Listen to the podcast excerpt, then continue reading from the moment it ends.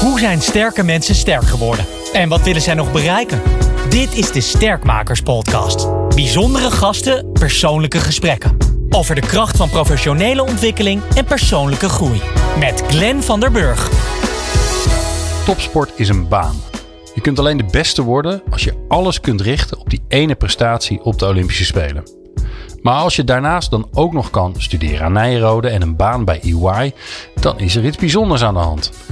En valt er ook nog eens voor ons natuurlijk als luisteraars veel te leren. Chantalle Zijderveld is topzwemster met, ik heb even geteld, vijf Europese titels, vier wereldtitels en twee keer brons, twee keer zilver en twee keer goud op de Paralympische Spelen in Rio en Tokio. Ik zit ondertussen naar te kijken of ik het goed heb opgezocht.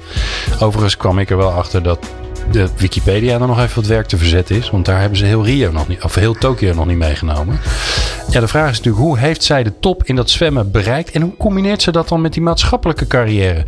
Chantal, bijzonder leuk om met je te praten over sterk worden in je werk. Voordat we daar naartoe gaan, ga ik je eerst helemaal terugnemen naar het eind van de Zero's. Toen was je acht. Ja, klopt. Ja. Wat deed je het liefst als achtjarige? Volgens mij toen al zwemmen. Ja? Volgens mij was ik of nog zeven of net acht in ieder geval toen ik begon met zwemmen. Toen ik eh, vanuit diploma zwemmen naar, zeg maar, naar het wedstrijd zwemmen toe. Ja, want eerst ga je zwemmen omdat het moet. Hè? Want Ja. dat is handig in Nederland, zodat je niet verzuipt als je een kers in de sloot valt. Zoiets, ja. Eh, maar- wanneer was dat moment voor jou dat je dacht... hé, hey, maar ik vind het eigenlijk wel superleuk. En niet alleen maar leuk, maar ik wil gewoon inderdaad heen en weer zwemmen. Voor mij was het voornamelijk dat ik was inderdaad bezig met mijn diploma zwemmen. En terwijl ik ermee bezig was, lagen de wedstrijdzwemmers die lagen naast ons in hetzelfde bad. Oké. En ik was eigenlijk altijd in plaats van mijn eigen diploma zwemmen, was ik eigenlijk altijd bezig om naar hun toe te, te kijken en een beetje te spieken. Totdat ze op een gegeven moment ook tegen me zeiden van, joh, alles leuk en aardig, maar je moet wel je eigen zwemles doen. En toen zei ik, ja, maar ik wil eigenlijk heel graag wedstrijd zwemmen, want ik zag dat en ik dacht, wauw, dat is superleuk. En toen heb ik heel braaf... Wat eh, vond je er dan zo leuk aan? Want ik kan me ook voorstellen dat je als kind is het niet het meest spannend om naar te kijken. Want ja, mensen gaan heen en weer in een, in een bak water. Ja, maar ik vond dus juist heel erg dat dat diploma zwemmen heel saai was. Met al dat, dat, dat koppeltje duikelen en weet ik het Oh. allemaal wat. En ik dacht, laat mij gewoon super hard zwemmen en gewoon lekker beuken. En voor mij was wat, wat andere mensen zeggen, ja, het is maar heen en weer zwemmen. Ik dacht, laat mij alsjeblieft heen en weer zwemmen. Ik hoef al die trucjes niet te kunnen. En dat vond ik allemaal niet leuk. Ik denk, eh, laat mij maar gewoon lekker heen en weer en eh, gewoon lekker rammen. Ja. En dan, en dan keek je naar die baan naast je. En kan je nog herinneren, waar, waar, waar keek je dan naar? Wat, wat vond je dan mooi om te zien? Als je toen had te kijken naar wat voor slag hadden ze... of wat voor techniek hadden ze... of Eh, ik denk dat slag en techniek op dat moment, zeker als je acht bent, dan weet je nog niet zo goed wat het überhaupt is. Dus ik denk dat dat wel meeviel. Maar het was het voornamelijk dat echte, dat harde, dat dat, dat, dat allemaal best wel hard ging. Eh, en ik was ook wel een kind met veel energie. Dus ik was altijd wel dat ik echt wel ergens mijn energie in kwijt moest. En eh, altijd wel heel actief bezig was. Dus ik, misschien dat het daar vanuit komt dat ik in ieder geval dacht, oh, dan kan ik mijn energie kwijt. Ja. Ja. Vertel eens wat over je, over je gezin, je vader en je moeder. Wat, in wat voor gezin ben je opgegroeid? Eh, ik heb een zus, die is 4,5 jaar ouder. En vader en mijn moeder, die zijn allebei nog. Die zijn gescheiden toen ik 12 was. Zelf nooit echt moeite mee gehad, als ik heel eerlijk ben. Ja, is eigenlijk altijd heel goed gegaan. Kunnen nog steeds samen door één deur. ehm, eigenlijk uit elkaar gaan voordat het, zeg maar, geëscaleerde. Eh, dus dat heb ik gelukkig nooit meegemaakt. En ehm, het was altijd best wel gewoon vredig in huis. Eh, wel, nou, ik weet niet of het streng is, maar mijn ouders waren wel altijd heel erg gehamerd op dat ik alles zelf moest doen. Eh, zeker natuurlijk met mijn beperking. Ja, als je dan geen hand hebt. Eh, het eerste wat mensen vaak zeggen is: geef hem maar klittenbandschoenen. Dat mijn moeder zei: nee, ze gaat gewoon de vedenstrik diploma halen. Hmm. Eh, dus die had ik ook gewoon in groep 2 al. Eh, Ja, want de, de- als de, de mensen de podcast luisteren, dan zien ze jou niet. Nee. Leg eens even uit je rechterhand, Ja. hoe dat eruit ziet. Want dan kunnen ze zich een beetje voorstelling maken. Het makkelijkste uit te leggen is eigenlijk dat ik heb een deel van mijn hand, maar ik heb eigenlijk alleen een palm. Dus ik heb de, de helft van mijn hand palm. En ja, er zit wel iets van vinger op, maar ja, niet echt. Er zijn een soort van kleine, kleine uitstoppingjes. Ja. Ehm, en ik heb nog een scoliose in mijn rug zitten. En ik heb daardoor ook een blokkade in mijn schouder. Dus ik kan mijn arm niet helemaal boven mijn hoofd tillen, zeg maar. Oké. Oh ja, en dat is ook je rechterarm. Ja, ja. Oké. ja. Nou, ehm eh, groei je daarmee op. Eh, voor als je zeg maar geen beperking hebt, is dat ingewikkeld om je daarin te, in te verplaatsen. Want als je ernaar kijkt, denk je, oh, nou, het ziet er anders uit. Eh, je denkt ook snel bij jezelf misschien wel, jeetje, dat lijkt me vreselijk om dat te hebben. Of lijkt me onhandig. Of, hè, dus daar heb je allerlei meningen over. Ehm, maar jij weet het. Ja, jij leeft ermee al je hele leven. Dus hoe, hoe, hoe is het voor jou? Ik denk bij een beperking algemeen mm, heeft het wel verschillende aspecten om hoe het kan zijn. Uh, dat heeft ook wel deels te maken met of je ermee bent geboren of dat je bijvoorbeeld door iets anders hebt gekregen. Mhm. Kijk, ik ben ermee geboren, dus ik weet niet beter. Ik heb geen idee hoe het is om twee handen te hebben. Dus dat maakt het sowieso een stuk makkelijker. Terwijl als mensen die door een ongeluk of iets dergelijks een amputatie hebben, ja, die moeten opnieuw leren om dingen te doen. Dus dat is sowieso al, al, wel anders. En het is ook wel een deel opvoeding. Want nou ja, wat ik net zei, mijn ouders waren heel erg, ja, je gaat je veters maar gewoon zelf strikken. Ja. En je doet alles maar zelf. Maar er zijn ook best wel ouders die zoiets hebben van, ach meisje, kom hier, ik doe die het wel zijn heel beschermend. Ja. Maar dat waren je ouders dus niet? Nee, nee, totaal niet. Nee, en die veters is natuurlijk wel duidelijk, hè? Want probeer maar eens met één handje veters te strikken. Dat is best lastig. Ja. Nou, heb je niet maar één hand, want je kan wel wat met de ander, andere hand. Maar ja. dat moet je wel jezelf eigen maken. En mhm. sowieso voor kinderen veters strikken. Strikken is een drama. weet ik van mijn eigen kinderen. Het duurde heel lang voor die dat uh, konden. Uh, heb je andere voorbeelden waarvan je zei van ja, mijn ouders die uh, stimuleerden me juist om dat juist wel te doen?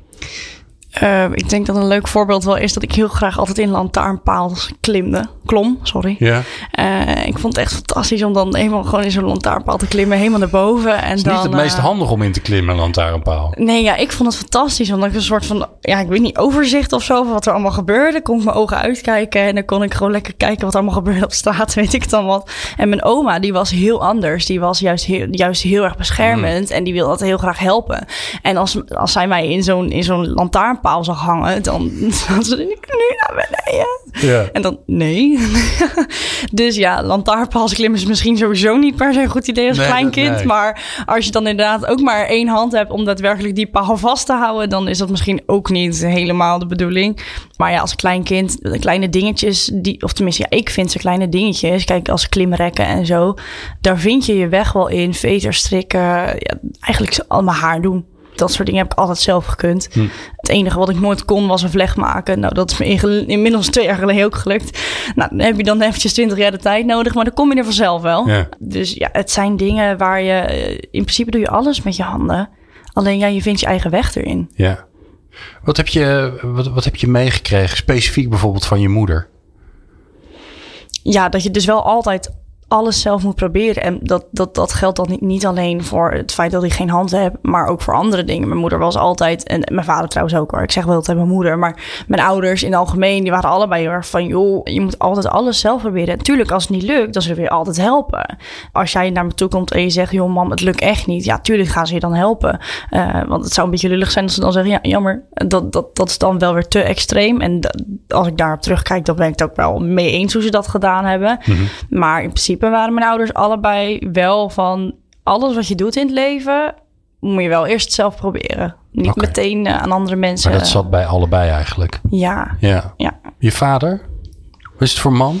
Een stuk rustiger dan mijn moeder. Oké. Ja, ja, echt wel tegenpolen. Ja, mijn moeder is best wel, nou net als ik, best wel eigenwijs en staat wel voor, voor wat ze vindt uh, en heel uitgesproken. Mm -hmm. En mijn vader is een heel rustig persoon die uh, nou, liever niet de, de, confrontatie opzoekt, zeg maar.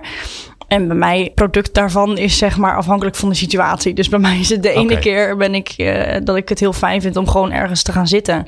En gewoon even de ruimte in me op te nemen en te kijken wat gebeurt er nou. Dus net als mijn vader. En de andere keer denk ik, op het moment dat ik me dan comfortabel voel, dan ga ik meer richting de kant van mijn moeder. En dan denk ik, oké, okay, hier heb ik een mening over. Ga even zitten.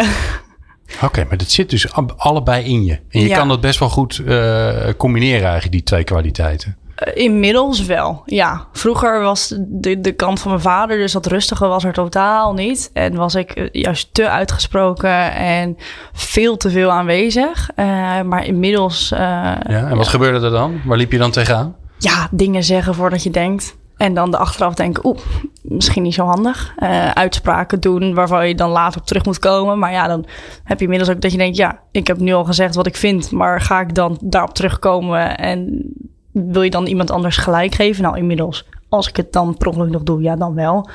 Maar nee, vroeger heel uh, uitgesproken en druk en aanwezig. En nu, nou ja, inderdaad, ik vind het fijn als ik ergens nieuw ben om even eh, ja, rustig te zitten. En, Hm. en wat is de situatie? Hoe zijn mensen? Hoe zijn andere mensen? Want soms kom je in een ruimte waar, waar daar is geen plek voor heel veel aanwezigheid. Omdat er bijvoorbeeld al heel veel aanwezigheid is van andere mensen. Ja, en dan doe je zelf een stapje terug. En dan zeg je, oké, nou prima, dan ben ik nu de rustige persoon die even als eh, spons fungeert, zeg maar. Oké. Ja. Je ouders gingen op, op je twaalfde uit elkaar. Hoe, hoe, eh, hoe woonde je? Was het, was, hoe was het verdeeld? Ehm, in principe was het om de week. Dus ik deed eh, een week bij mijn moeder, een week bij mijn vader. Maar het was wel als ik dan een keer geen zin had in het een of ander, mocht ik ook wisselen. Oké. En dat was heel chill. Ja. Ja, Maar je hebt wel twee huizen. Twee omgevingen, twee, twee andere omgevingen. Hè? Want Ja. als de twee ouders samenwonen, dan is het een soort blend van de twee. En als ze dan uit elkaar gaan, dan, ja, dan kunnen ze doen wat ze zelf eh, denken dat belangrijk is. Hoe was dat? ja ik vond het wel oké. Maar dat is misschien ook wel... Mijn ouders gingen daardoor niet ineens andere regels hanteren of zo. Dus het was niet zo, bij mama mag ik dit wel en bij papa mag ik dit niet. Ehm, maar ja, ze waren volgens mij ook iets van, eh, volgens mij wel iets van 20 jaar getrouwd of zo. Ehm, waarvan ik er dus inderdaad gewoon 12 in een, in een huis ben opgegroeid waar ze samen hebben gewoond. Ja. Eh, dus het was niet ineens dat ik ineens twee verschillende werelden had of zo. Dat was gewoon nog best wel hetzelfde. En als ik bijvoorbeeld een keer bij papa kwam en die zei van, eh, die wist het even niet. Dan zegt hij, joh, moet je even met je moeder overleggen. Of, joh, ik bel mama wel even. En dan eh ging ze Ja. alsnog samen wel even een gesprek aan. En ja, wat ik zeg, ze kunnen prima door één deur. Dus Ja, er, is nooit, er is nooit haat geweest. Dus ja, als je het dan hebt over waar zitten verschillen. Ja, als het dan niet wisten, ja, dan... Ze woonden ook eh, een paar straten uit elkaar. Nou ja, of je loopt even langs of je belt even. En dan zeg je, joh, eh, hoe gaan we dit fixen? En dan Ja. was het ook wel weer geregeld. Ja. Ja. Hoe was je als puber? Want ik, ik, ik, ik heb nu een soort heel eh, stuiter, stuiterballend meisje in mijn hoofd. Ja. Nou, volgens mijn moeder viel het wel mee qua hoe puberaal ik was. Oké. Ik, ik weet er zelf Hoor, niet... een tikje twijfel in je stem. Ja, ik weet het niet zo goed. Maar dat is ook omdat ik toen al echt wel op pad was met zwemmen. ja, ja. Ik was, het- ik was bijna, ja, bijna 13 toen, ik- toen ik al naar mijn eerste WK ging. Dus mijn hele puberteit is al, is al zwemmen geweest. Dus ik denk, ja, schets even voor ons, hè? eh, niet eens zozeer nu, maar, maar toen ter tijd, dertiende naar je WK, dat is natuurlijk al bizar, hè? Dat is natuurlijk, ik bedoel, dan ben je nog echt een, echt een, een kind. ja. En toch deed je dat. Met eh, succes, ook nog eens een keer volgens mij. Hoe zag jouw leven er dan als twaalfjarig, nog net niet naar het WK, ga, naar gaand meisje dan uit? Ja, nou ja, dit, twee huizen sowieso. Het waar Ja. ik dan tussen wisselde. Maar toen deed ik ook al wel een aantal trainingen bij het nationaal team. Ja, Dus ik had een aantal dagen in de week dat ik naar school ging. Ik had een dag dat ik moest wisselen van huis. Ik had een dag dat ik, volgens mij trainde ik toen twee dagen in de week bij het nationaal team, zoiets. Nou, en waar was dat? Destijds nog Zeist en Amersfoort. En inmiddels is dat alleen Amersfoort geworden. Oké. Ja, dus ouders die weer heen en weer moeten En, reizen. en, waar, en waar woonde je toen? Zwijndrecht. Dus, dat dus je is, moest eh, van Zwijndrecht naar, naar Zeist of Amersfoort. Ja, Dus ook niet heel handig eh, nee. dichtbij. Nee, niet per se. Maar het, is, eh, het was de vrijdag en de zaterdag, zeg maar. Dus dan, Ja, dan op dat was, dit was eh, het weekend dus. Ja, dat is dan het weekend. En dan meestal wisselde ik volgens mij op zondag van mijn ouders, zeg maar, van het een naar het andere huis. Ja.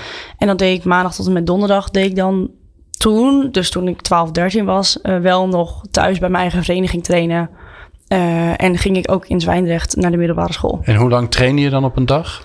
Door de weekse dag, dat je dus ook gewoon naar school ging? Ik denk toen nog anderhalf, twee uur per dag. Dus dat, dat, dat, dat is voor wat ik nu doe, was dat heel weinig. Maar dat is psychologisch, want je bent 12.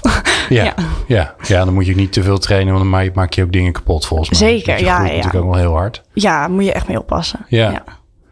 Oké, dus vier dagen per week zo'n beetje twee uur trainen bij je eigen eh, club. En dan ging je op donderdag en vrijdag naar Zeist slash Amersfoort om daar ook nog te trainen. En zondag trainde je niet. Nee. Had je ook nog een, eh, had je ook nog, had je ook nog vriendjes, vriendinnetjes, eh, Nou, oh, tijd überhaupt om wat anders te doen? tijd niet. Maar ik, nee, Maar dan ja. moet je toch helemaal met sjoggen zijn van die sport. Ja, ja maar dat, dat is sowieso met topsport. Het maakt niet uit hoe oud je bent. Je moet, je moet het, het leuk vinden om, ja, meer dan leuk vinden om, om het te kunnen doen. En om er dus dingen voor op te geven. En ja, ik, ik, ik weet niet, ja, het is maar net hoe je het bekijkt. Ik heb of pech of geluk gehad dat ik zo jong al, al meeging naar WK. Maar ja, nee, ja, geen vriendjes en vriendinnetjes. Ja, ik denk uit die tijd heb ik van de middelbare school heb ik nog één vriendinnetje overgehouden. Maar van de rest, ik had soms geen idee met wie ik in de klas zat. Dus ook niet echt last van, zo te horen. Ofwel, waren er ook momenten dat je dacht, wat ben ik aan het doen, joh? Houd toch op, ik heb er Ja, geen zin in. Soms wel. Ik vond het vooral heel moeilijk om eh heel de tijd te blijven reizen. Dus dat je niet echt een, een thuis hebt. Je Ah. hebt wel huizen, maar je hebt geen thuis. Hmm. En, en dat is niks te nadelen van mijn ouders, want die weten heel goed wat ik begrijp. eh, die weten heel goed wat ik, wat, wat, wat ik bedoel. Maar als je inderdaad, nou ja, we hebben net de week, week doorgenomen. Ja, als je dat zo hoort, kan je best voorstellen dat, dat er niet ergens een plek is waar je echt 100% thuis voelt. Zeker met gescheiden ouders. Dat je denkt, ja, ben je weer dingen kwijt. Dan weet ik weer niet waar ik het heb laten liggen. Heb ik het dan weer meegenomen? Ja. Eh, waar ligt het? Ben, moet, ik het moet ik het dan nog maar dubbel gaan aanschaffen? Ja, nou, dan schaf, dan schaf je het aan en ben je het toch weer kwijt. Je bent alleen maar aan het sjouwen met tassen. En, en, en dat vond ik het allermoeilijkste. Dus dat je eigenlijk vanaf je twaalfde niet echt een thuis hebt. Nee, je Eh, bent een soort nomade eigenlijk. ja, eigenlijk Ja. wel. Ja, en, en dat heeft mij, dat vond ik het aller, allermoeilijkste. Ehm, en, en daarom ben ik ook best wel vroeg ook wel uit huis gegaan. Omdat ik zoiets had van ja, ehm, ik wil gewoon één plek hebben waar ik mijn eigen spullen heb. Waar ik eh, alles neer kan leggen waarvan ik weet, dit is van mij. Eh, hier ligt het nu. En dat ik dus inderdaad niet drie keer in de week met, met, met tassen loop te, loop sjouwen. Want hoe oud, ging je, hoe oud was je toen je de deur uitging? 16. 16. Wauw. Ja, dat is echt jong. Ja, dat is, Ja. ja, ook naar Amersfoort. Nou, dat is een uur rijden dan. Dus als ik dan aan Je ging dus ook nog wonen waar, de, waar eigenlijk je, je nationale trainingen waren. Ja, Ja. ja, En, en specifiek daarom ook? ja, zeker, zeker. Oké, dus je ging ook nog eens een keer verhuizen bij je ouders weg, waar je heel veel van houdt, voor die sport. Ja, Ja. Ik denk dat er nu heel veel mensen denken, nou, die is echt, die sport gewoon niet. Hoe, nee, hoe dat dan? geloof ik. Ja, hoe dan? Ja, hoe, de, de allergrootste drijfveer in topsport is passie. En Maar probeer het eens woorden aan te geven. Wat, wat is dat dan waardoor je eh, dag in dag uit... Want je krijgt pijn in je donder. Want als het geen pijn doet, dan ben je je spieren niet aan het opbouwen. Eh, je krijgt kleine blessuretjes. Eh, eh, nou ja, als je zo lang in het water ligt, wil ik al niet eens denken wat het met je huid doet. Volgens mij kan het ook niet goed zijn. Dus wat is het dan dat je daar toch elke keer weer je wet voor uitkomt? ehm, ik denk het punt bij mij dat ik dacht, ik wil dit, was... Ik was in 2010 vrijwilliger op de WK in Eindhoven. Ehm, ik had me daarvoor opgegeven. Dus toen was ik negen, misschien net tien, zou op de grens zijn geweest. Ehm, en, en ik was daar dus als vrijwilliger. En ik zag dat en toen dacht ik, wauw. Ja, maar dit moet ik dus ook. Want ik stond toen twee jaar zoiets. Eh, eh, en toen heb ik ook tegen moeder gezegd, maar mama, ik, ik, wil dit ook. Toen zei ze, is goed meis. Als jij dat wil, dan gaan we dat doen. Dan ga je, tenminste, dan moet jij het, wel zelf doen. Maar dan zullen we in ieder geval daarbij helpen. Eh, dus, dus de drijfveer is dus weten dat je gaat voor echt iets heel bijzonders. En eigenlijk is topsport is een soort van verslaving. Want elke keer als je iets mag winnen, dan komt er een soort van adrenaline rush. Wat, wat, er is niks anders mee te vergelijken. Er is niks anders ter wereld wat, wat hetzelfde is als aantikken, zien dat je wint en het gevoel wat je dan krijgt. En, en dat is waarvoor je elke dag je Kun je het omschrijven? Wil iedereen heeft wel eens iets gewonnen, maar ja, dat, dat stelt bij de meeste mensen zoals ik geen donder voor. En dan word je kampioen in eh, de 19e divisie eh, met een cricketteam ergens. Maar ja, jij staat op het hoogste podium. Ja, ik, denk- ik, ik, ik vind dat het heel moeilijk om te omschrijven. Want we hebben het ook best wel vaak met, met teamgenootjes over dat op de Spelen zijn geweest. Winnen is allebei iets wat met, met niks te vergelijken is. Het is een soort van ja, dopamine slash adrenaline rush keer, keer duizend. Dus als jij denkt, oh, ik heb nu een soort adrenaline rush. Ja, doe dat, doe dat keer weet ik veel hoeveel. Ja. En dat, dat, dat duurt echt heel kort. En, en, Ik dat, zeggen. ja, maar dat is het ook. Want je, je echte piek in die adrenaline van, van, van winnen duurt misschien, misschien een minuut. En dat is misschien al lang, als ik dat al zeg. Ja. Het is echt aantikken, naar het bord kijken, zien dat je wint. Dat duurt een paar tellen. Je komt het water uit. En natuurlijk ben je dan nog steeds blij, maar dan is de echte piek er alweer af. En hoe is het dan met, de, met alles wat daarvoor zit? Hè? Dus al die trainingsuren en dat je lichaam uh, steeds weer net weer even iets verder duwen, zodat je sterker wordt. Wat zit daar dan in waar je, ja, wat haal je daaruit? Wat gebeurt er dan met je?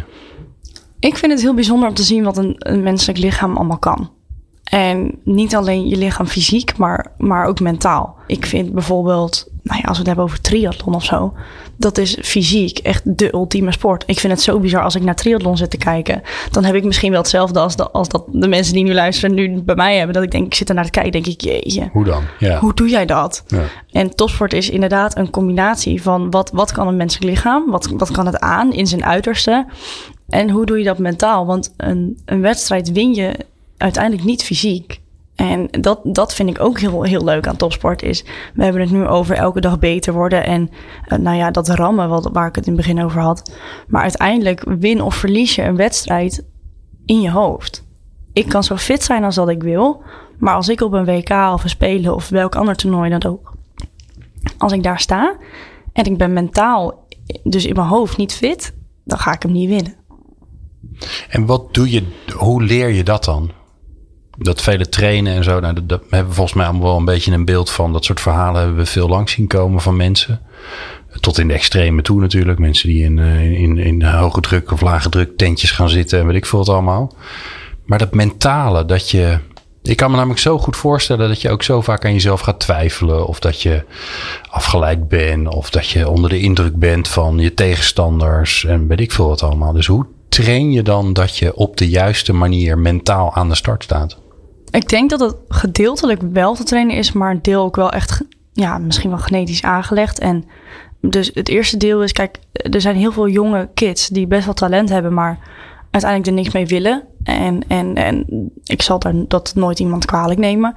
Uh, maar het is wel, op een gegeven moment kom je op een punt waar talent en topsport van elkaar gaan scheiden. En dat is in je hoofd. Dus je kan nog net zoveel talent hebben, maar als je er niks mee wil, omdat je het mentaal niet wil, ga je geen topsporter worden. Andersom heb je ook mensen die misschien niet genoeg talent hebben, maar die mentale drive dus wel echt enorm hebben. Ook die vraag ik me af. En, en dat is niks te nadelen, want dat zijn mensen die, die elke dag 100% geven, maar waarvan bijvoorbeeld het lichaam dus niet die, die ultieme staat in kan. Mhm. En hoe train je dat? Ja, je, de een vindt het heel fijn om naar een psycholoog te gaan. Uh, ik heb teamgenootjes die dus best wel moeite hebben, inderdaad, met, met pieken op het juiste moment. En wat ik net zei, dat, hey, dat lichaam is dan echt topfit. Maar op het moment dat die in een WK-finale staan, klappen ze helemaal dicht en komt er niks meer uit. Uh, wat super zonde is, want ik weet dat ze hartstikke hard kunnen zwemmen. Ja, je kan naar een psycholoog gaan, maar het kan ook, ja, en dat is misschien een cliché, maar ja, uh, ja toch een beetje levenservaring. Als jij op een gegeven moment eerst best wel vaak wint en dan misschien denk, dat heb ik zelf meegemaakt. Toen ik in, toen ik in Rio stond, dacht ik, oh, dat win ik wel. Ja, mooi niet. Ik kreeg hartstikke hard op mijn donder. En, en, en daar leer je heel erg van. En toen dacht ik, ah, het komt allemaal niet vanzelf. Dat talent en die topsport wordt nu van elkaar gescheiden. Mm. En dit is het punt dat mijn talent stopt. En tenminste, je, je talent stopt niet. Maar in ieder geval, je, je wint nu niet meer op talent. Je moet nu gaan winnen op doorzettingsvermogen en op mentale kracht. Ja. Dus als je een, een het, het is het, het, perfecte cliché van een, een tegenslag die je sterker maakt. Ja, oké. en dan, dan heb je dat inzicht. Dus je denkt, oké, ik, ik kom er dus niet meer alleen maar op mijn, mijn talent, op mijn trainingsuren. Dat is niet meer genoeg. En dan? Wat ga je dan doen? Ja, je kan trainen en trainen. Ja. Je traint met je lichaam of met je hoofd. Ja ik vind dat altijd wel leuk. Sommige uh, teamgenootjes van mij vinden mij daar best wel hard in. En dat geef ik ze groot gelijk. Want misschien ben ik dat ook wel. Maar je kan, als wij max setjes draaien, dan... Leg even uit wat je dan doet. Ja, het, verschilt. Maar stel, uh, wij doen, ik zeg wat, we doen 6 keer 50 meter maximaal. Ja, dan ga je gewoon vol gas. Harder, harder kan je gewoon niet. Ja, dan, maar ook vanaf meter 1. Dus dan moet je 6 keer 50, moet je gewoon maximaal alles uitgooien. Natuurlijk ben je dan 1 keer 50, daarna ben je al moe. En dan is de vraag, hoe trek je dat door? Want als je het goed doet, is je lichaam na 1 of 2 keer 50, afhankelijk van je lactaat, maar laten we dat even buiten beschouwing laten. Na 1 of 2 keer is je lichaam eigenlijk al, al kapot. Want anders ben je dus niet maximaal gegaan. Ja. Maar dan moet je er nog vier. Ja, hoe ga je dat oplossen? Ja, of je zegt tegen jezelf in je hoofd van... ik ga dit gewoon keihard doen. Of je denkt bij jezelf, oh, ik ben zo moe, ik kan dit niet. Maar hoe schakel je dat dan uit? Want je hebt gewoon pijn in je lijf. Je armen en je benen, ze willen gewoon niet meer.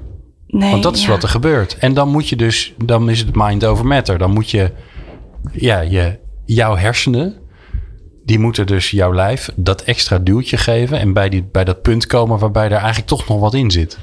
Ja, wat voor mij... Maar je lijf wil ja. dat niet. Nee, klopt. En ik, daar zijn, iedereen is daar anders in. De ene vindt het, vindt, zegt, het, zegt een, een, een bepaald woordje tegen zichzelf. Dus die heeft zoiets van: ik doe elke keer als ik een slag maak, zeg ik hetzelfde tegen mezelf. Oké. Ehm, eh, dat heb ik heel lang zelf ook gedaan. Wat zei je dan tegen jezelf?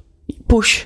Oké. Heel simpel. Gewoon elke Ja. dag push, push, push, push. En de- omdat je dan, omdat je je hoofd niet bezig laat zijn met het feit dat het zeer doet. Maar dat je met iets anders bezig bent. Dan Ah. vergeet je een beetje de pijn.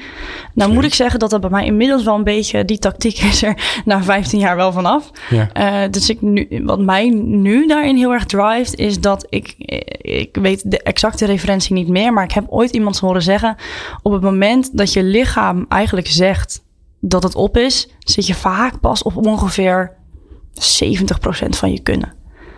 Dus ik heb zoiets van, ja, misschien mijn, li- wil mijn lichaam nu wel opgeven, maar ik ben pas op 70%. Dus die andere 30% die komt in je hoofd. En dat is wat, wat voor mij nu heel erg helpt.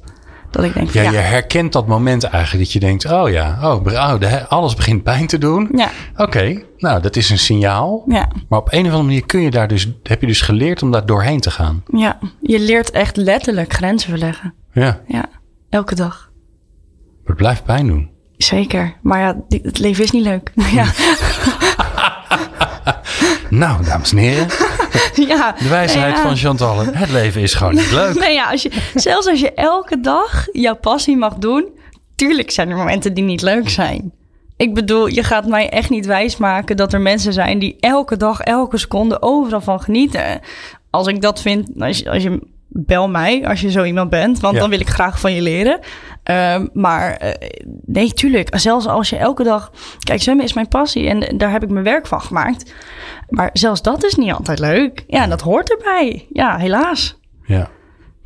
Nou, kondig ik in het begin al even aan. Los van het feit dat je eh, genoeg medailles hebt om pijn in je nek van te krijgen als je ze allemaal om hebt. Is het niet het enige wat je doet. Je hebt ook nog even een stevige opleiding gedaan. Nog mee bezig zelfs. Ja. Ja, En je hebt ook nog een baan. ja. Ja, dat zelfs vraag ik mezelf ook, soms ook of ik dat doe. Elke topsporter is anders. Ja. En de ene topsporter vindt het heerlijk om echt alleen met zijn sport bezig te zijn. Omdat hij dan zo heeft van, ja, eh, ik heb teamgenootjes die zeggen... ja, ik kan niet met iets anders bezig zijn... want dan heb ik het idee dat ik mijn energie weggooi... terwijl ik die energie graag in mijn sport wil, wil stoppen. Ja. Geef ik ze groot gelijk in, want als dat voor jou zo voelt... ja, wie ben ik dan om, om daartegen in te gaan? En de ander die vindt het juist lekker om buiten de trainingsuren... zijn hoofd even op iets anders te zetten. Eh, ja, en, en daar ben ik er één van. Ja. Ik, eh, ik kan niet of alleen maar zwemmen of alleen maar studeren. En omdat, ik kan niet 40 uur in de week hetzelfde doen. Want dan word ik helemaal gek. Ik, Ja. heb, ik heb echt enorm afwisseling nodig. En ja, inderdaad, ik werk er nu naast en dan de- mijn studie ook nog. Maar dat Ja, is... maar dit moet je even in laten dalen. hè. Dus je bent topsporter. Ja, Ja, dus we hebben even het 12-jarige regime doorgesproken. Ja, dat was toen. Dat Ja. was een beetje half, half hè, niet, niet te heftig, want dat is niet goed voor je lijf als je aan het groeien bent. Maar nu is dat natuurlijk nog veel erger geworden. Ja, qua klopt. uren, in training en noem maar op, en wedstrijden. ja. Maar daarnaast doe je dus een, een studie Mhm. aan Nijrode. Dus ook geen, het is ook niet even iets lulligs of zo. nee, klopt. Ehm, eh, en je werkt ook nog eens een keer. Hoeveel, en hoeveel werk je dan? Vijf minuten in de week of zo? Nee, ik heb, ehm, ik heb een contract van 20 uur, waarvan 8 uur studie. Dus ik eigenlijk 12 uur werken en 8 Ja, uur ja. studie. Oké. Ja, Ja, voor, voor de meeste mensen is dat een halve fulltime werkweek. Hè? ja. Ja. Ja, maar mijn zwemmen, inclusief, eh, want wat wij nog ook doen op het land, eh, want we liggen niet alleen in het water, is, ik denk, 20, 23 uur, een beetje afhankelijk van wat voor soort week het is. Ja, in ieder geval iets meer dan 20 uur. Dus dan kom je alsnog op 40 uur uit. Zeker, ja. Ja, nou hebben we e- eerder iemand anders geïnterviewd die topsporter is. En die zei, ja, maar je, moet natuurlijk ook nog herstellen. Ja, En je hebt je lijf zoveel pijn gedaan, dat moet je wel even op een goede manier doen. Zeker, ja. Dus, ja. dus herstellen, ja, dat klinkt alsof je dan niks hoeft te doen, maar dat is eigenlijk niet waar natuurlijk. Je moet wel Ehm, op de goede manier herstellen. Ja, maar ook dat is, is voor iedereen anders. Hm. Want eh, mijn- mijn werk is, is, is zitten. ik ben, ja, ja oké, dat is niet helemaal waar. Maar in ieder geval fysiek ben ik helemaal niet bezig. Ehm, en tuurlijk is mijn hoofd wel bezig. Alleen op een hele andere manier dan dat hij bezig is met het zwemmen. En ik heb het hier heus wel met mijn coach over gehad. Van joh, ik wil wel gewoon graag werken en studeren. Toen keek hij me eerst ook drie keer aan met... joh, Chant, weet je het wel zeker?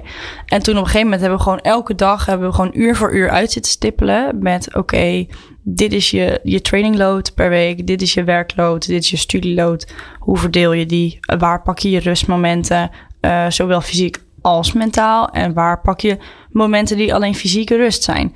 Eh, en als je, daar zijn we een beetje mee gaan puzzelen. Eh, en, en, en uiteindelijk kom, zijn we daar uitgekomen. En voor mij, ik vind het niet altijd lekker om bijvoorbeeld, wat heel veel topsporters doen, om tussen de middag even te slapen. Hm. Dat, dat eh, word ik vaak slechter wakker van dan dat ik erin ga, zeg maar. Ja. Terwijl het is natuurlijk hartstikke goed om even tussenmiddag te, te slapen. Maar dat hoeft, dat hoeft geen anderhalf of twee uur te zijn. Dat is soms eh, met een half uurtje ook genoeg. Maar vooral het allerbelangrijkste is je nachtrust. Nou klinkt het allemaal eh, redelijk eh, smooth allemaal. Er is vast een moment geweest dat het even gewoon allemaal niet meer ging. Bedoel je de, de combinatie? Nou, überhaupt. Gewoon eh, dat je, nou ja, tussen je twaalfde, dat je het serieus eh, aan de bak ging, tot aan nu, dat er gewoon een tegenslag was. Ja, Wat zeker. Was, wat was, welke staat het, welke was het heftigst? Ehm, sporttechnisch was Rio wel echt het dieptepunt van mijn carrière. Eh, Maar omdat je daar verloor? ja, Oké. ja, ja, ja. En, dat, En dat- hoe, hoe komt dat dan binnen? Nou ja, ik, ik was heel naïef en ik dacht, ik win wel. En als je dan als guppy van, van 15 denkt, oh, ik win wel. En je wint dan niet. eh, dat, dat is een hele, hele harde klap. Want je denkt, hallo, wat, wat gebeurt mij hier nou? Eh, ik had hier moeten winnen. Terwijl dat is natuurlijk heel, heel raar om dat te denken. Want je wint niet zomaar. Eh, en dat dacht ik dus blijkbaar eh, als guppy van 15 op dat moment wel. Eh, dus, dus zowel sporttechnisch, het feit dat ik daar dus niet won, is dat een, een dieptepunt. Omdat het ook echt. ik had die afstand, schoolslag is mijn, mijn, mijn hoofdnummer. Had ik ook echt mijn eigen gemaakt. En dat noem ik ook altijd een beetje mijn kindje. omdat dat altijd mijn, mijn hoofdevenement is, ge- is geweest. Ja, en als je daar wordt op gepakt en je denkt, ja, maar deze is van mij. Ja. Eh, dus sporttechnisch was het een klap, maar inderdaad ook mentaal. Dat je dus als 15-jarige al leert, hallo, wel wakker blijven en niet naar je schoenen gaan lopen. Hou je Ja, schoenen maar aan. dit, dit is wel grappig, hè? Want dat, dat, dat zijn allemaal inzichten die je, denk ik, daarna krijgt. ja, Op het moment dat je verliest, heb Ja. je verloren en dan heb je verdriet, zeker. teleurstelling, Ook. zin om er gewoon mee te kappen. Hoe, hoe ver gaat het? Juist, nou, bij, bij mij dus juist geen zin om te kappen. Oké. Ik had juist heel erg, en dat is, heeft mij ook wel echt naar Tokio geholpen. Omdat ik dacht, ja, maar ik mis nog een Paralympische titel. Want Ja. EK, WK's heb ik gewonnen meerdere malen. Ik heb eh, wereldrecords op mijn zak. Wat mist er nog? Ja, een Paralympische titel. En, en voor mij was het is misschien, dus ja, ook wel weer achteraf uiteindelijk. Maar zelfs op dat moment dacht ik al... Ja, maar nu moet ik dus in Tokio gewoon keihard revanche nemen. Want dat is mijn moment om dan te zeggen: deze is van mij. Dus het was voor mij juist een motivatie om door te gaan. En ja, Ik kan me, dat is, is hartstikke mooi. Maar ik kan me ook goed voorstellen dat je juist op dat moment denkt... Dit was het moment. De spelen zijn elke vier jaar. Eh, ik, was, ik was toch de beste. Dat is niet gelukt. Nu moet ik... Het volgende perspectief is weer die vier jaar. ja, Dat is best een lange periode. Als je 15 bent, is dat eh, bijna een derde van je leven dat je vooruit moet gaan kijken. ja. ja, ja, als je het zo Dus, zegt. dus ja. voor, hè, voor jou is het misschien doodnormaal om te denken: zo, nou, nou, nou pak ik door. Maar ik kan me ook heel goed voorstellen dat heel veel mensen denken: ja, kom op, hé. Nog vier jaar. Dat is zo ver weg. Weet Zeker. ik veel wat er allemaal met mijn lijf gaat gebeuren. Zeker. Ja. Maar dat gebeurde dus niet. Nee, maar in dat geval helpt het ook wel als je 15 bent. Want als je topsporter bent en je bent al in de 30, dan ben je sowieso al wel een beetje aan het einde. Tenminste, het hangt wel van de sport af hoor. Maar in het zwemmen rond de 30 ongeveer wel dan is het al wel klaar. Dus dan is vier jaar ineens heel veel. Terwijl als je net je eerste spelen hebt gehad, als je daar verliest, uh, dan heb je nog een heel leven voor je. Ja. En uh, het hoeft niet altijd in vier jaar. Uh, want vier jaar klinkt inderdaad klinkt heel lang. Ja. maar je maakt altijd een soort van doelen tussendoor. ofwel per jaar, misschien wel per half jaar, misschien wel per toernooi. Dan is vier jaar ineens, gaat dat dan heel snel. Ja. Maar jij bent, je, hebt, je hebt op je uh, dertiende was je al, had je al succes? Nee, vijftiende. Ik Ja. zie nu zijn aan het kletsen. Eh, nee, vijftiende was spelen. Dertiende was je eerste WK, toch? Ja, het, het, het is, ligt er een beetje aan wanneer. Ik, ik weet nooit de te exacte. Nou, het ligt, ik weet nooit zo goed de data uit mijn hoofd. Maar het- Nee. ik ben altijd rond zo'n toernooi ben ik altijd jarig. Dus het is altijd dan Ja, of net mijn twaalfde geweest of net mijn dertiende. Ja. In ieder geval op die, op die, die, die Het grens. is allebei extreem jong. Ja, Ehm, ik kan me ook voorstellen dat je dan, hè, want je bent natuurlijk heel gretig en je wil winnen, je wil winnen. ja. Dat je, dat je al best wel jonge leeftijd denkt, ja, ik heb het allemaal gewoon, ge- ik heb het allemaal gewonnen. Je bent nu, je bent nog steeds hartstikke jong. ja. Maar ja, alles is binnen. Ik heb even opgelezen hoeveel, eh, hoeveel metaal het wel niet is. Wat, wat houdt je hongerig? Op dit moment ontwikkeling van de Paralympische sport. Oké. Ik vind dat echt heel belangrijk. Ik heb altijd, eh, zeker met media, het hoeft niet over mij te gaan als het maar over Paralympische sport gaat. Alleen het helpt dan wel als je dan daarin een soort statement kan maken. Want, Nou, nou ja, vert- wat? Wat wil je kwijt? Nou, This is the moment. ik vind het nog steeds niet kunnen dat wij nog steeds, wij als Paralympiërs nog steeds als anders worden gezien. En inmiddels zie je dat tussen aanhalingstekens de gewone burger, die vindt het eigenlijk inmiddels allemaal, die zijn het meestal met ons eens. Tenminste, de meeste mensen die ik spreek zeggen, ja, wij vinden het ook oneerlijk. Maar het komt bij media gewoon niet door. Bij media is het nog steeds, eh, op het moment dat je het over Paralympische Spelen hebt, dan is het, nee, we hebben geen geld voor, hebben helemaal geen tijd voor. Dat ik denk, hallo, je hebt wel geld en tijd om een of ander, in mijn ogen, eh eh flut dingetje te maken over een of ander voetbalteam wat een spelletje te spelen op een vliegveld. En dat is dan zogenaamd relevanter dan een Paralympische sporter die goud wint op de Spelen.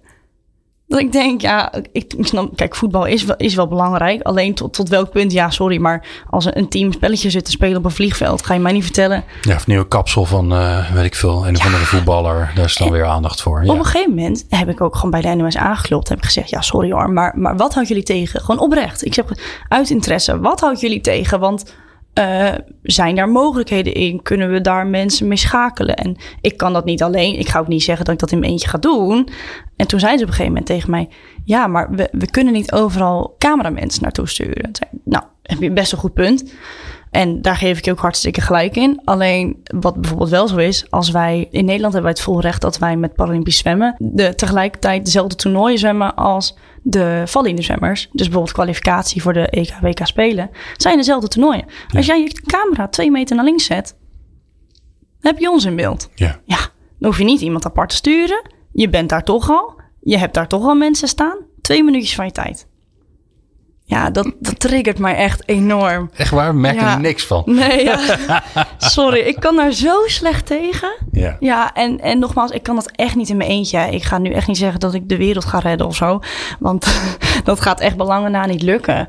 Alleen, het is wel dat hoe meer mensen een, een soort van stukje aandacht of een stukje kijk wat wij doen of kijk hoe het kan, hoe, hoe, hoe sneller je al in, in Nederland een soort beeld creëert met, oh, dit bestaat. Mensen moeten, stap 1 is mensen moeten weten dat het er is. En dan vervolgens is het dus, als mensen weten dat het er is, moet je laten zien, kijk, dit kunnen wij. Ja. En hoe, hoe laat je zien, dit kan ik. Ja, dit, ik kan laten zien van, oh wat leuk, ik heb heel veel Paralympische titels.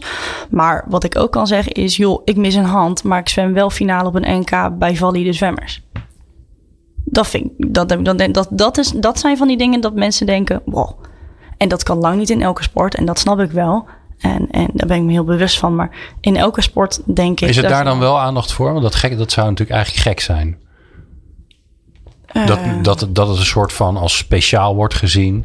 Van kijk, Ja, maar ik, Chantalle eh, die zwemt, ondanks dat ze een beperking heeft. Dan krijg je bij zo'n soort, dan wordt dat een beetje het verhaal. Zwemt ze toch mee met het gewone NK. Ja, maar ik denk wel dat dat, eh, als we dan specifiek over zwemmen hebben, dat dat Ja. wel laat zien dat wij dat wij ook hard zwemmen. Knijt er hard je eigenlijk wel niet gaat. Ja, kijk, Ja. en dat kan niet in an- andere sporten zo. Want lang, in sommige sporten ligt het niveau gewoon heel anders. Of is het gewoon een hele andere sport. Ja. Ja, boccia is, is niet Olympisch. Ja, dus dan kan je ook niet de vergelijking maken met, met de Olympische Spelen. Maar eh, er zullen vast eh, de mensen die daar verstand van hebben binnen hun eigen sport. Eh, ehm, eh, ik bedoel, Fleur, die, die springt ook mee met een NK valide bij de atletiek. Ehm, ehm, dus, dus, en bij haar kon het. Ja, en in elke sport moet daar denk ik zijn eigen weg in vinden met hoe gaan wij laten zien. Ik, ik heb voor mij persoonlijk, ik weet niet of andere Paralympiërs dat ook hebben, maar ik heb altijd een soort van bewijsdrang. Ik heb altijd het gevoel dat ik aan de wereld moet laten zien, moet bewijzen dat we geen sukkels zijn. Want dat zijn we niet. Nou ja, eh, nee, verre van zou ik zeggen, toch? Ja, verre van. Eh, ik vind het ook altijd een beetje maf dat het anders heet. Eh, ja. je gaat toch gewoon naar de Olympische Spelen? Ja, bedoel. Ja, dat, dat, dat vind ik een lastig punt. Omdat het wel echt zijn eigen organisatie is, zeg maar. Ja, En, onze oor, en, en die discussie hebben wij heel veel met Paralympische atleten.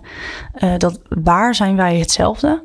Want ik ben net heel hard aan het roepen van inderdaad, hè, kijk wat we kunnen. Maar in welk opzicht zijn wij hetzelfde en waar zijn we wel echt anders? Dat is hetzelfde als de discussie tussen mannen en vrouwen.